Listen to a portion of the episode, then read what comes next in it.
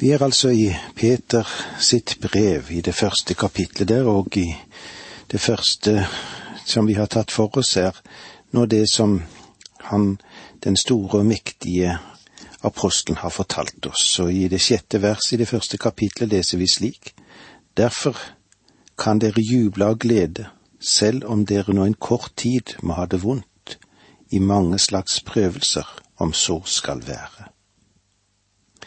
Leser vi i Norsk Bibel, så forteller dette verset oss kanskje dette i litt andre ord. Derfor jubler dere av glede selv om dere nå en liten stund, når så skal være, har sorg i mange slags prøvelser. I hebreerbrevet lærte vi at Gud tester oss ved prøvelser og motganger. Jakob skrev òg om prøvelser som kommer fra Gud og Paulus har en hel del å si om lidelser. Og nå slutter Peter seg til den samme gruppen og sier noe av det samme. Jeg vet at det ikke er populært å si at Gud vil prøve oss og lede oss mot modenhet gjennom våre prøvelser. Menneskene vil helst bli oppmuntret til å tro at det er svært viktig at de kan gjøre tingene på egen hånd. Vi er intet før Guds ånd begynner å arbeide i vårt hjerte og i vårt liv. Det er ingenting å tilby Gud det vi har i oss selv. Han har jo alt å tilby oss. Vi må alltid huske at våre prøvelser bare de er kortvarige, de er midlertidige. Paulus sier det samme i 2. Korinterbrev 4. De trengsler vi nå må bære, er lette, og de skaper for oss en evig rikdom av herlighet som er uendelig mye større. Vi har ikke det synlige for øye, men det usynlige. For det synlige tar slutt, det usynlige er evig. Mange av de ting vi ofte ser så verdifulle, har jo liten eller ingen betydning eller verdi. Det er bare ting som blir borte sett i evighetens perspektiv, det. Alle disse tingene brytes ned. De er forgjengelige, og de kan forgiftes. De ting som denne verden har, det blir borte. Det vi ikke kan se, det evige, de er av reell, virkelig verdi. Vers syv. Slik blir troen deres prøvet.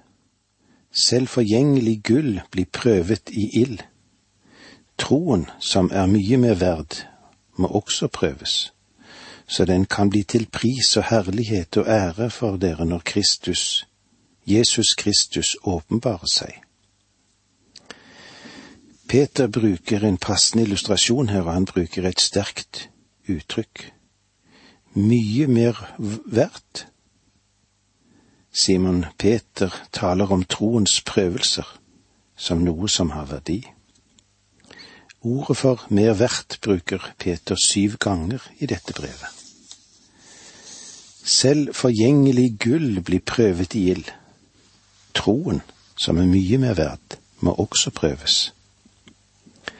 Etter at gullet er tatt ut, blir det smeltet, og hensikten er ikke å ødelegge gullet, men å rense det og når gullet blir smeltet, så skiller slagget seg ut fra det pure gull.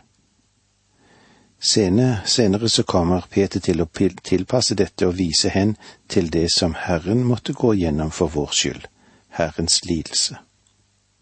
Han sier at vi nå er blitt løskjøpt, ikke med gull eller sølv, men noe som er uendelig mye mer verdt enn det, Kristi dyrebare blod. Når Gud prøver oss i dag, så bærer det inn i ovnen. Og det gjør han ikke for å ødelegge oss eller såre oss eller skade oss. Men han ønsker rent gull. Slik får han det. Dette utvikler en kristens karakter, det. Hvor troen prøves, trekker slagget seg ut, det drar seg ut av dette, og det dyrebare gullet åpenbarer seg. Det er Guds metode. Det er Guds skole.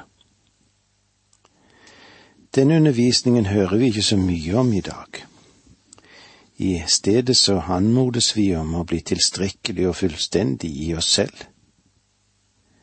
Ingen av oss er tilstrekkelige eller akseptable, og det vil vi heller aldri kunne bli.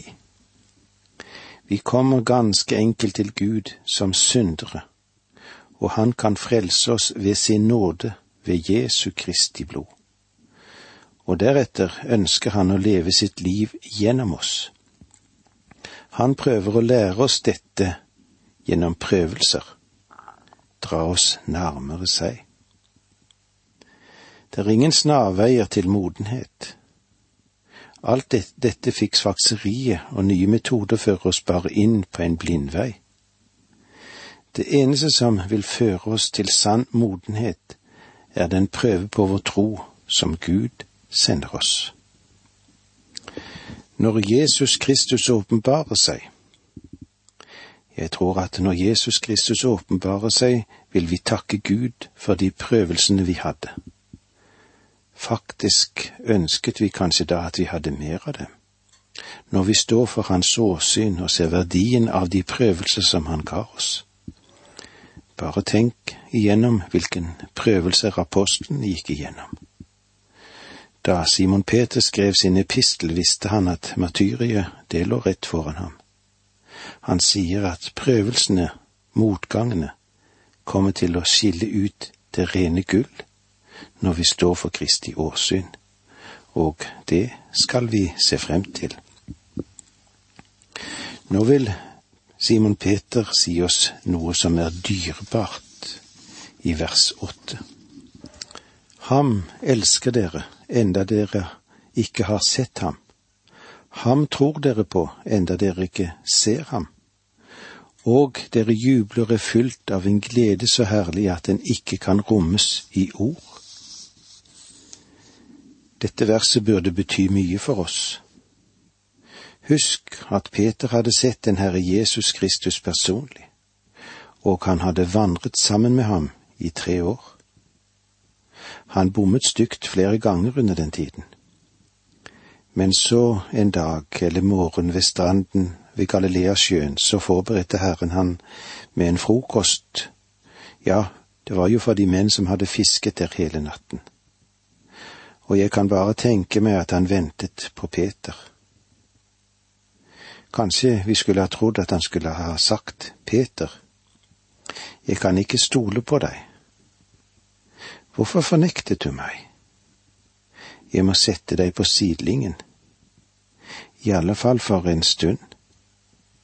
Jeg kan ikke bruke deg. Men han sa ikke det. I stedet sa han, Simon, Jonas' sønn, elsker du meg? Det var hovedspørsmålet. Elsker du meg? Denne mannen som hadde vært en skrytepave, hadde lagt til side alt skrytet. Til sist måtte han bare rope ut, Herre, du vet alt, du vet jeg har deg kjær. Og den Herre Jesus sa til ham, du skal gi sauene mine mat. Og det var det Peter han gjorde da han holdt den første prekene på pinsedag. Og nå sier Peter til deg og meg, Ham elsker dere, enda dere ikke har sett ham. Det er Den hellige ånd som kan gjøre ham virkelig for oss. Dette er hemmeligheten i det kristne livet. Når vi elsker ham, da faller alt annet på plass. Da nytter det ikke med all slags studier i verden, eller kurs eller hva det måtte være. Du får ingen tillitserklæring av dette når du har fått et oppdrag å gi næring til dine medmennesker. Ham tror dere på, enda dere ikke nå ser ham. Dere jubler er fylt av en glede så herlig at den ikke kan rommes i ord. Får ikke dette ditt hjerte til å banke litt fortere? Elsker du ham virkelig, eller har du en død religion som virker meningsløs? Kristus er herlig. Simon Peter elsket ham. Elsker du ham? Takk for nå må Gud være med deg. Dette undervisningsprogrammet består av to deler. Åge Nevland fortsetter nå med andre del av dagens undervisning. Vi er i Peters første brev i det første kapittelet, og vi ser hvordan det er når Jesus får vise oss hvem han i sannhet er. Ham elsker dere, enda dere ikke har sett ham. Ham tror dere på, enda dere ikke ser ham. Og dere jubler er fylt av en glede så herlig at den ikke kan rommes i ord, står det i vers åtte. Ham elsker dere, enda dere ikke har sett ham. Ham tror dere på, enda dere nå ikke ser ham. Å ferdes i tro uten å se, det hører med til troens strid, det. Kan òg av og til føre til anfektelse, men det er ved denne troen at vi blir ført frem. Å tro er å elske uten å få se med våre egne øyne den gjenstanden for vår tro og den kjærlighet som vi har. Det er slik vi kristne har det her i verden. Slik som håpet var levende i vers tre, så er troen også levende. De troende elsker Jesus, og han er uunnværlig for dem, enda de ikke har sett ham. Og enda de nå ikke ser ham med sine legemlige øyne, så tror de dog på ham. De setter all sin lit til ham. Og derfor fryder og gleder vi oss over med en usigelig og herliggjort glede. En glede som ikke kan tolkes i ord, det er noe vi virkelig må ha i vårt indre liv. Vi bygger på noe som ikke skal bli til skamme. At gleden er usigelig, vil si at ikke den kan finne fyldesgjørende uttrykk i det jordiske tungemål. Slik var det for Peter, og slik var det for Paulus alle de som i ærlighet tjente og elsket ham. Og jeg håper inderlig at du deler denne kjærlighet som Simon Peter fikk oppleve å se og ta del i. Og om du gjør det, så vil det løse en mengde av problemer. Han vil hjelpe deg i alle livets situasjoner. Han vil òg kunne hjelpe deg i den situasjonen som du er oppe i akkurat nå. Det er vidunderlig hvordan kjærligheten til Kristus også drar våre hjerter sammen. Og han vil ikke bare hjelpe deg i din livssituasjon, han vil hjelpe deg i ditt hjem. Han vil hjelpe deg i menighetens liv og virksomheten som er der. Det å elske Kristus, det drar de troende sammen. Det vil hjelpe deg i alle dine forhold om du har kjærlighet til ham om du har kjærlighet til Jesus. Dere jubler og er fylt av glede, så herlig at den ikke kan rommes i ord. Det å elske Kristus gir hjertet stor glede. Er du en glad kristen? Det kan du ha grunn til. Du er jo et kongebarn. Du har en arv som venter på deg en dag. Det er vidunderlig å være barn, og ikke bare slave. I vers ni her i det første kapittelet i første Peter leser vi slik, For dere når troens mål, frelse for sjelene. Frelse, det var et tema for profetien i Det gamle testamentet. Både profetene og apostlene bar vitnesbyrd frem om sannheten i dette. Hvilken oppmuntring dette var for de troende i den tid, de som var i utlendighet, de som led for sin tro. For dere når troens mål, frelse for sjelene. Dette herlige mål er frelse for sjelene, den fullkomne, den endelige, den evige utfrielse fra alle livets fiender og til et evig liv hjemme hos Gud. I og med at sjelen når den fullkomne frelse, er legemets forløsning gitt. Det er all grunn til fryd og glede. Når vi nå går videre inn i det tiende verset, kan vi sette som overskrift Lidelsen og Skriftene. I vers ti leser vi slik. Denne frelse var det profetene grunnet på og utforsket, da de profeterte om den nåde dere skulle få. Alle profetene profeterte om dette.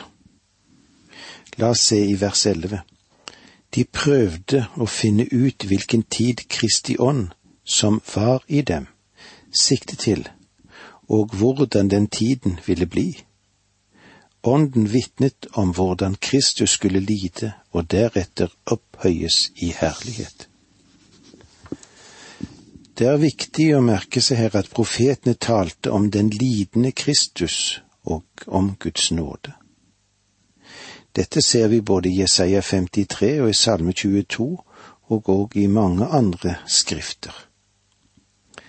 Deretter opphøyes i herlighet, står det i den nye oversettelsen. Den gamle oversettelsen den gir oss et noe lengre perspektiv gjennom dette uttrykket, om herligheten deretter.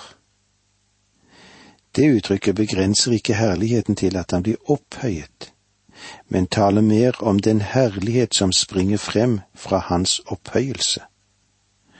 Og i den finner vi eksempler på i Jesaja 11, det ellevte kapitlet, og i Salme 45.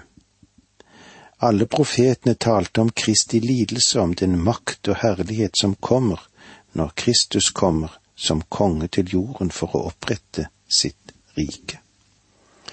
I dette verset er det særlig to ting som vi kan se tilbake på hva profetene tenkte på deres ivrige gransking. De ville gjerne se inn i hva for en tid, altså når frelsestiden skulle komme. Var den langt borte, eller var den ganske nær? Det andre som de gjerne ville se på, var hva slags tid var dette, og hvordan ville denne tiden bli? Hvordan forholdene kom til å bli i den messianske tidsepoke? Ville det for eksempel bli en tid med jordisk herlighet, eller med trange og vanskelige kår før Guds rike endelig kom frem til sin seier? Svaret blir gitt i de følgende lidelse og herlighet. Det er verdt å merke seg at det var Kristi ånd som var i dem, som viser seg frem i denne tiden. Han virket allerede på forhånd i profetiene, var kilden til profetenes vitnesbyrd om Kristus og den frelsen han fullførte. De prøvde å finne ut hvilken tid Kristi ånd som var i dem, siktet til. Det fortelles i klartekst at profeten i Det gamle testamentet skrev ved Kristi ånd. Dette er et av de mange utsagn vi finner i Guds ord, som klart proklamerer at Det gamle testamentet var inspirert av Gud. Disse menn skrev ved Kristi ånd. De skrev noe som de selv ikke helt kunne gripe fatt i. De lette etter meningen for å finne ut hvilken tid Kristi ånd som var i dem sikte til. Men når denne ånd på forhånd vitnet om Kristi lidelser, og den herlighet som skulle følge etter det. Her er mange steder i Det gamle testamentet som taler om Kristi lidelser, og det er mange andre steder som taler om Kristi makt og om rikets tid. Nåde og herlighet kombineres, og det var vanskelig for dem å forstå det. For eksempel i Jesaja 53 om den lidende Kristus. Men i det ellevte kapitlet skrev han om Messias som skulle komme i makt og herlighet til jorden for å opprette sitt rike og denne tilsynelatende motsigelse virket nok forvirrende på profetene, og de prøvde å finne ut hvordan begge disse forhold kunne være sanne. Og når profetene så ned langs tidens korridorer, så så de disse to hendelsene som to mektige fjelltinder. Men de så ikke denne dalen, eller dette tidsrommet som lå mellom disse to hendelsene. Du og jeg, vi står i en enestående situasjon i livet mellom Kristi lidelse, som ligger i fortiden, og Kristi herlighet som hører fremtiden til. Det vil hjelpe deg å forstå profetien om den lidende og den herliggjorte Kristus om du tenker deg disse to hendelsene som to store fjelltopper. Tenk deg en mektig og bred dal mellom disse toppene. Tenk deg nå at du står langt fra den første toppen og ser mot den andre. Da vil det ikke være mulig for deg å vite hvor dyp og bred dalen mellom toppene er. Ser du mot fjelltopper, så ser det ut til at de står rett bak hverandre, men i virkeligheten så kan det være flere mil mellom dem. På samme måte var det med profetene, som så inn i fremtiden og så Kristi lidelse og Kristi herlighet som to fjelltopper som steg frem rett bak hverandre. Jeg går ut fra at det var skeptikere og kritikere i, den, i, de, i de dager som det er i vår tid. Dette er en konflikt. Skriftene strider mot hverandre. Du kan ikke klare å knytte sammen begge disse to. Enten kommer han i lidelse, eller så kommer han i makt. Men selvfølgelig, vi vet at begge er sannhet, og dalen mellom det er menighetens tidsalder, som nå har en omtrentlig lengde på 2000 år. Og med disse ordene sier vi takk for nå, må Gud være med deg.